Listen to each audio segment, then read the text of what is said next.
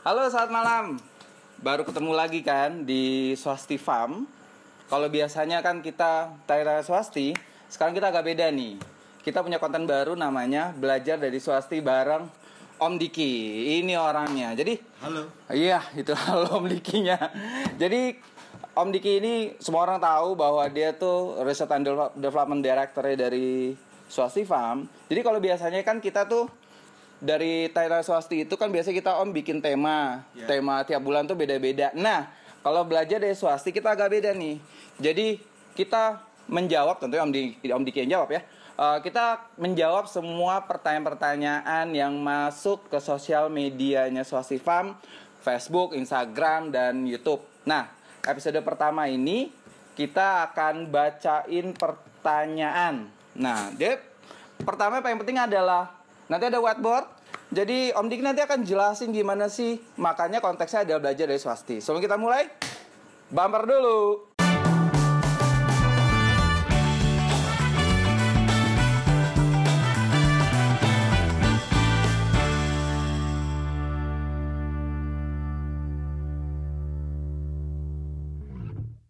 Oke, nah bumper udah selesai nih. Nah, jadi di sini episode pertama ini kita akan bacain Om pertanyaan dari Siapa? dari namanya Nunung Gapis Om. Nunung Gapi. Nunung Gapis. Oke. Pertanyaannya dari di YouTube. Ya, teman-teman bisa lihat nih pertanyaan dia di YouTube nanti kelihatan di bagian bawah. Ya. Eh, pertanyaannya adalah pakan mempengaruhi kualitas gapi sendiri gak Om? Seperti dorsal, ekor, warna biar bagus. Tipsnya kayak apa Om? Jadi pertanyaannya dari Nunung Gapis ini pakan mempengaruhi kualitas ikan gapi gak sih Om? Mau kok Om jawab jawab Om. Ya. Ya. Sebenarnya pakan memang pengaruh juga. Ah, ah. Ikan gapi. Ya. Tapi ada faktor lain juga. Mm-mm. Enggak cuma pakan aja. Jadi Pakan pengaruhi bisa ya. Gambarkan seperti ini. Sebenarnya ikan gapi itu Ah. 50% itu genetik. Jadi 50% tuh karena genetik. Genetik, ya kan? Genetik. Ah. 50% 50% lagi perawatan. perawatan. Oke. Jadi happy people ada di rumah kalau mau sambil tulis-tulis kayak saya nih, tulis aja nih. Dia mu- mudah-mudahan nanti banyak hal yang bisa dipelajari di sini. Oke Om, 50% genetik, Ini 50% eh, ikan perawatan. gapi ya. Ikan gapi. Hmm, Ikan gapi. ya oke. Bisa dijelasin nggak Om? 50% itu Ini. kenapa genetik, kenapa perawatan? Pada dasarnya Ya, ikan gapi harus punya genetik yang bagus. genetiknya bagus. Harus, Oke. harus yang bagus Uh-uh. untuk menghasilkan ya istilahnya untuk yang show quality Iya. itu memang harus mempunyai genetik yang memang bagus. Ah, ah. Kedua perawatan. Jadi kalau genetik bagus, perawatan tidak bagus, Sama aja, Bong. ikan juga pasti tidak bagus. Oh, oke. Perawatan bagus, genetik tidak bagus, juga nggak akan bisa maksimal. Oh. Jadi kalau saya bilang 50-50. Jadi kita tuh kayak beli BMW dikasih premium gitu ya? Jadi Ya. perawatan tuh premiumnya tuh. Ya. Nggak bisa tuh. Kalau kita pengen punya ikan gapi yang bagus, kualitas indukannya harus bagus, perawatannya Ya. juga bagus. Nggak mungkin kan kita beli BMW terus kasih Nah, premium. Perawatan itu meliputi apa aja? Ah, ini dia. Dari segi dari segi perawatan Ya. air, pakan juga. Nah, ini yang yang petani kan ini. Oke. Eh, yang untuk mengenai pakan yang pakan tadi kan? Pakan ya. Ya, ya ini dari segi, segi perawatan. Dia masuk ke segi perawatan. Oh, Oke. Tapi bila ikan gapinya memang genetiknya tidak bagus, dengan Iya. perawatan pakannya bagus pun percuma. Sama aja, Bong. Iya, nggak akan Oh, bisa. Oke, jadi yang ditanyain sama Num Num Gapis ini Hmm. sebenarnya bagian kecil dari menghasilkan ikan gapi berkualitas Betul, gitu ya. betul. Pertama ada indukannya harus bagus, Ya. genetik ya gitu ya. Kemudian kedua perawatan dan Ya. pakan itu jadi bagian Ah, terkecilnya ah, juga gitu. Ada iya, di bagian sini ada nih. Bagian, ada di bagian sini. Oke. Nah, Gitu. kalau misalkan ternyata itu pakan itu hanya bagian kecil dari menghasilkan ikan gapi berkualitas, Om. Nah, pakan paling bagus tuh kayak gimana sih? pakan paling bagus Ah, ah. ikan gapi memang ada pakan-pakan yang memang mem- sangat mempengaruhi ya Ah, ah. tapi gini Ya. sebelumnya untuk menghasilkan ikan gapi yang bagus Ya. itu memang dari lahir itu Ah, ah. itu memang harus perawatannya memang Harus bagus. harus bagus Ah, oke. Eh, karena dia akan mempengaruhi nanti di tahap dia pada waktu re- remajanya Nah, Om, sorry Om. Karena ini kita produksi sendiri. hmm. Aku lihat di situ itu nyala apa kagak? ya Sambil jelasin aja Om, nggak apa-apa. Om. Nah, kita kita uh, se- self service soalnya di sini. oke oke oke Ah, masih nyala. masih nyala Oke, siap. Nggak apa-apa. Siap. Self service kita. Oke, terus. jadi Ah. eh, saya jelasin se- secara keseluruhan aja Iya. awal kita harus memang genetik tahu genetik ikan itu bagus Oh, oke. karena dengan genetik yang bagus itu persentase dari indukan jantan betina bagus persentase keluar yang bagus pun nggak bisa banyak Hmm. pasti cuma beberapa aja Hmm. yang benar-benar menjadi yang bisa menjadi yang yang paling bagus Iya. nah itu kita kalau sudah ada anaknya nah ini perawatan dari awal nih ini mempengaruhi sekali Ah. karena ikan itu akan bisa menjadi top performanya apa enggak itu dari awal lahir itu sudah harus dirawat dengan benar-benar bagus Oke. Nah, dari situ Ya. yang akan mempengaruhi segala macam ya kualitas air pakan itu sangat mempengaruhi Mm-mm.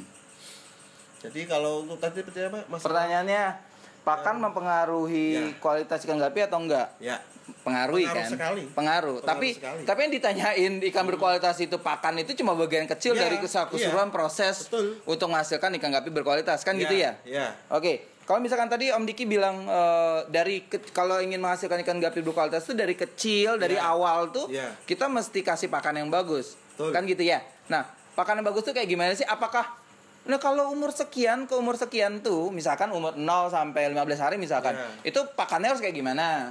Terus kemudian sesudah itu pakannya kayak apa? Nah, kenapa Ya. harus pakai itu gitu Om? Kira-kira gimana Om? Ya, pada dasarnya Ya. pakan terbaik buat gapi itu ya Artemia. Pada dasarnya Artemia, pada Ya. dasarnya ada Artemia. yang paling bagus ya itu. Artemia itu kayak gimana sih Om? Ya dia itu seben- sebenarnya dia adalah Oh. eh, sejenis udang-udangan ya. Tapi tingkat rendah dia. Udang beneran apa udang-udangan Om? Kalau udang-udang kayak mobil ya mobil-mobilan nih. Ya. Udang beneran nih? Udang. Udang. Masuk, ma- dia masuk ke Ah. ke rumpun udang. Hmm. Cuma dia kan kecil. Ya. dan itu eh, kalau saya bilang yang paling bagus ya harus yang fresh jadi ditetasin Fresh. fresh itu ti- tidak boleh lebih dari 24 jam harus sudah harus da- dihabiskan karena kalau enggak Heeh. itu protein yang terkandung di dalam artemia itu Heeh. orang sebutnya itu biasa BBS Apa tuh BBS? BBS BBS. baby Baby brain scream baby brain cream. nah itu eh, eh, eh, istilah istilah untuk artemia Oh, itu untuk Artemia. Ya. Jadi dia kalau setelah menetas, Ya. biasa kita menetas tuh tergantung dari merek Artemia juga sih. Heeh. Tapi kisaran Oh, kita nggak nggak nggak di endorse sama mereknya Oh, kan? enggak, Nggak enggak. usah sebutin namanya. Enggak. Maaf ya, Enggak, maksud kita nggak di endorse. Enggak, maksud saya- kita nggak boleh nyebutin merek. tahu tahu. Enggak maksud saya eh, untuk Ah. daya tetas itu memang ada bermacam-macam, tapi secara global sih mungkin sekitar sekitar 18 sampai 24 jam lah. 18 sampai 24 jam. Ah, ah, itu sudah menetas. Oh. Nah, itu harus segera Harus sudah dihabisin. diberikan ke ke ikan dihabiskan karena apa itu masih fresh Heeh. kedua ar- artemia belum belum terlalu Ya. lama hidup jadi dia setelah dia menetas Heeh. proteinnya itu masih bagus Oh, Oke. tapi kalau dia udah kelamaan dia akan mengkonsumsi proteinnya dia sendiri untuk bertahan hidup jadi akan berkurang Oh, oke. Itunya. Eh, kualitas kualitas proteinnya. ya Oh, karena dia akan menggunakan itu untuk dia bertahan hidup itu masalahnya Jadi pakan yang terbaik untuk ikan gapi itu jadi nggak kenal umur gitu ya. Ya. Tapi ha- pakan terbaik itu harusnya Artemia. Ya, terus Ya, bisa oke. na- na- nanti Ya. diseling sama pelet. Diseling sama pelet. pelet itu yang kita yang, pakai aman ya sebenarnya masih bisa ada dabia magna ada Ah. ada yang kutu air biasa uh, orang bilang itu uh, kutu air Kutu air. jentik nyamuk Oh. tapi kadang itu kita susah untuk mendapatkannya dan kalau saya bilang kurang steril itu akan mem- uh, ak- akan Kurang steril? iya terutama ini kalau yang pada mau memakai apa cacing Oh, cacing cacing sutra cacing sutra. ya dia memang ikan cepat besar tapi ya penyakitnya aduh ampun Bohong ya. banyak banget Pak. Oh, Gede, oh, gede, oh, gede tapi bohong gitu ya. ya enggak jadi apa ikan cen- kecenderungannya cepat mati kalau kalau kita eh, pakai Cacing- cacing sutra Cepet mati, Om. ya Kenapa itu? ya karena dia ba- banyak bakteri-bakterinya kan Oh, cepet mati. cepat mati kalau pakai itu Nular gak sih ke manusia, Om? Enggak sih saya, Enggak ya? saya dulu pernah pakai sampai sekarang, sekarang ya Sehat-sehat aja. ya kalau dicek di perut ya belum tahu nih pakai cacingnya apa enggak nih Nggak tahu ya, ada apa tahu. enggak. Nah, Om, nah, sebelum Om lanjut nih. Ka, aku tuh kadang-kadang suka suka denger gitu ada emang sih ada live food sama non live food Ya, gitu ya betul. ada kayak Artemia tuh masuk ke live food Ya, kemudian pellet tuh non live food Ya. kenapa sih pellet itu jadi pilihan terakhir untuk breeders breeders ikan gapi untuk kasih makan ke ikan gapi om. Ya. pellet tuh pilihan terakhir ya? Karena mudah. Mudah dan tahan lama. Itu pilihan terakhir? Ya sebenarnya bukan pilihan terakhir. Apa tuh? Karena tetap artinya tetap harus dimix sama pelet juga. Karena a- a- pelet tuh Hmm. tetap dia ada kandungan-kandungan yang yang kemungkinan tidak terdapat di dalam artemia itu oh. Kan kalau namanya pelet dia dia kan suatu manufaktur pabrik itu Iya. kalau bikin pelet kan dia pas- eh, eh, akan a- akan menjelaskan kandungannya ini ini ini, ini sekian sekian. Ada macam-macam lah ya. itu itu akan akan Oh. mempengaruhi juga. Kayak itu kayak swasti punya makanan tuh pellet tuh. Ya. Yang diproduksi swasti pellet ya. Oh itu ada isi tuh om? Ya. Kita ambil om. Nah kita jelasin juga nih. Sorry ya. Kita self service di soal soalnya di sini semuanya. Kita ngerjain sendiri eh, sound kita sendiri audio sendiri lighting sendiri.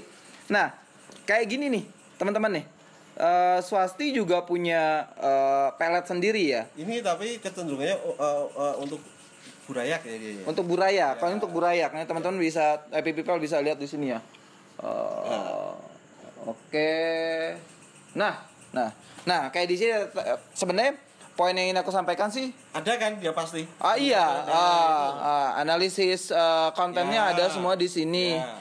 Ada protein, kemudian ada fat, ya ada fiber juga ada di Ya. sini semua. Jadi secara manufaktur mereka udah nyiapin yang ya kira-kira untuk meningkatkan kualitas ikan gapi ada di sini juga gitu. Tapi yang paling bagus itu tetap masih Artemia gitu. ya? Gini Oh. dia tadi kan yang dipertanyakan kan untuk dorsal dan ekor ya Ah, it- itu mau, Nah, mau tak tanyain tadi. ini gini ah, ikan gapi bandingkan ikan gapi kalau makan artemia dengan cuma uh, misal makan pelet kalau makan pelet dia biasa aja makan makan makan tapi kalau dengan artemia ah, dia kan hidup ya. nah terus kan dia berenang artemia uh, kan berenang ber- uh, berenang renang. Ah. ikan tuh seolah-olah di di seolah-olah tuh dia di, sep- seperti disuruh olahraga. Jadi waktu makan artemia dia pasti ekor dan dorsalnya jadi apa kencang-kencang gitu. Oh, jadi seperti seolah-olah sep- seperti dia olahraga juga. Oh, coba Ya. kalau itu diperhatikan ah, ah. bedanya kalau kita memberi makan dengan pelet dengan artemia itu akan kelihatan Hmm. kalau makan pelet ikan cuma makan belak belak belak tapi kalau pakai air kita kasih makan artemia wah ikan langsung wus wus gitu Oh, jadi sebenar, jadi eh, salah satu indikasinya eh, live food itu jauh lebih baik adalah karena ikan gapi itu quote and quote dipaksa juga untuk olahraga menyebab tapi ya cuma untuk artemia kalau yang lainnya juga live food kayak cuma cacing nggak nggak ah, gapi nggak akan begitu juga maksudnya nggak begitu juga gimana? Nggak akan seolah-olah apa jadi kalau makan artemia dia seolah-olah tuh dorsal sama ekor tuh diri renggangan gitu loh. jadi benar-benar bisa apa ya eh, istilahnya tuh Apa jadi menge- mengencang gitu loh Oh. Kan kalau, enggak kan eh, eh, ekor cuma biasa gini kan. Yes, betul. Nah, kalau makan artemia itu seolah bisa jadi kenceng gitu Oh, loh. Efeknya makan artemia jadi Ya, memang kandungan dalam artemia itu memang udah bagus. Oh, Ditambah oke. lagi dengan pola cara ikan makan Oh, oh. gapi makan artemia itu juga itu seolah-olah tuh di seluruh seperti ke- olahraga tuh Sandia. Oh. Jadi oke. Ya, pertanyaannya pertanyaan seperti itu. Jadi eh, apakah aku ulang ya? Ya. Aku ulang tadi kita udah jelasin banyak kan antara live food dan non live food. Betul. Kemudian milih live food pun jangan sembarangan. Ya. Gitu. Kalau tadi tuh Om Diki bilang ada cacing sutra, cepet gede sih. Gede. Tapi cepet mati. Kenapa? Iya. Karena banyak Banyak bakteri ada di dalamnya. Terus kemudian Karena ini ya cacing sutra karena biasanya sih tangkapan alam, jadi kotor. Oh, kotor. Iya. Nah, kita nggak nyebut merek, tapi Artemia paling bagus itu dari negara mana? Om? Aduh, negara mana ya? Tahu saya sih Amerika ya. Amerika paling Iya, bagus. karena dia ada danau yang memang spesial untuk itu, Hmm. untuk membuat apa? Bisa ternak artemia Oh gitu. di, di, di- jadi da- danaunya danau air asin. Udah. Artemia kan eh, eh, harus pakai air asin. Hmm. Iya, dia eh, hidup di seperti seperti air apa? Air laut gitu. Oh. Tapi kalau kita bikin kan kita Ah. akalinya cuma pa- pakai garam aja. Hmm. Itu dia bisa menetas. Oke, oke. Jadi Iya. untuk pertanyaannya apakah pengaruh? Sangat pengaruh. Pengaruh. Sangat pengaruh. Tapi aku yang jadi yang yang aku mention paling besar malah jadi pemilihan pakan itu justru hanya bagian kecil dari bagaimana menghasilkan ikan gapi berkualitas. ya, ya. Jadi eh, kan gitu ya, ada genetik kemudian Genetik, perawatan. perawatan. Ini ada ada ada makanan di bawah ini Om. Ya, di sini Ah. eh, masih ada lagi kan? Oh, ah, ada air, Food. food. Ya kan? Oke, Terus air, water. water. Ya, Oh, ya ini. oke. Nah, kalau genetik kan ya udah ya Bawaan lahir. Bawaan lahir. lah. Jadi bawaan lahir. Ya. Emang begitu gitu ya.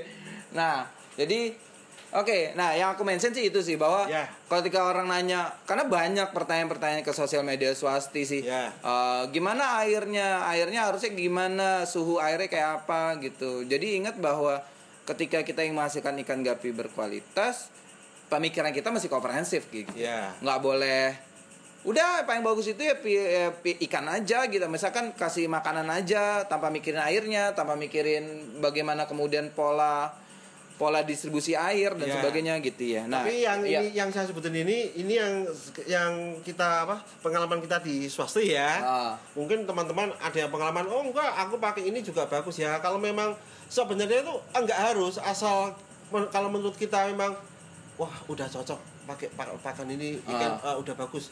It's okay. Oh. Enggak ada masalah. nggak salah ya Tapi, tapi kalau saya ajuin karena kenapa Ah. pakai artemia ya itu tadi karena Ya. Memang kandungan proteinnya bagus Ya. terus wa- pada waktu ikan makan dia seolah-olah dipaksa untuk melebarkan dorsal dan melebarkan ekor. sayapnya ya, gitu ya. gitu. oke jadi begitu untuk pertanyaannya dari num num gapis ya. nggak berasa udah hampir 20 menit loh Oh. kita gitu Masa sih? hampir Oke, 20 oke. menit kita bagi kita jawab begitu aja hampir 20 menit ya, Ya. mudah-mudahan bisa mencerahkan teman-teman eh, happy po- happy people di rumah eh, pertanyaan jadi kalau teman-teman mau happy people mau nanya dan insya Allah nanti kita jawab nah itu ada motor lewat Oke nggak apa-apa. Eh, happy people bisa bisa komen di bawah ini. Jadi pertanyaan pertanyaan apa yang mau Ya, dijawab betul. sama Om Diki. Betul. Eh, nanti kita akan jawab untuk episode berikutnya. Mudah-mudahan bisa di, Ya. dijawab untuk episode berikutnya. Oke, gitu aja dari eh, belajar jadi swasti di episode pertama loh ini. Episode pertama. Pertama, ini. Episode Ada ini pertama. nggak? Hah? Ada gift nggak? Ah, ntar dulu deh. kita kemarin asih Swasing Gapi Festival itu Ya. menguras banyak banget, tapi kita Oh. happy banget ya. Ya. Ah, dari banyak negara hadir, kemudian Ya. Indonesia jadi juara umum, kita happy banget di. International Gapi Festival 2019 yang kemarin. Harus ditingkatkan. Harus tingkatkan, betul. Oke, itu aja di episode pertama di belajar jadi swasti bareng Amdiki. Ya. Kita ketemu lagi di episode berikutnya. Nanti kita akan pilihin pertanyaan-pertanyaan apa yang mau kita jawab dan mudah-mudahan bisa bermanfaat untuk teman-teman breeders yang ada di rumah untuk meningkatkan kualitas produksi ikan gapi. Dan jangan lupa Insya Allah nanti audio filenya kita akan upload di Spotify. Jadi teman-teman yang males untuk untuk dengeri untuk eh, handphonenya saya kebuka terus tapi mau matiin tapi bisa tetap dengerin belajar jadi swasti bareng Om Diki nanti kita akan eh, upload segera di Spotify dalam bentuk podcast itu saya dari aku Eh, aku eh, udah ngenalin diri belum sih tadi gue Belum. belum ya aduh Supriyadi eh, marketing director dari Swasti Farm Saya Diki Chandra. uh, Research and Development Ya. Director dari Swasti Farm. Sampai ketemu lagi di episode berikutnya di Belajar dari Swasti bareng Om Diki. Dadah. Dadah. Bye.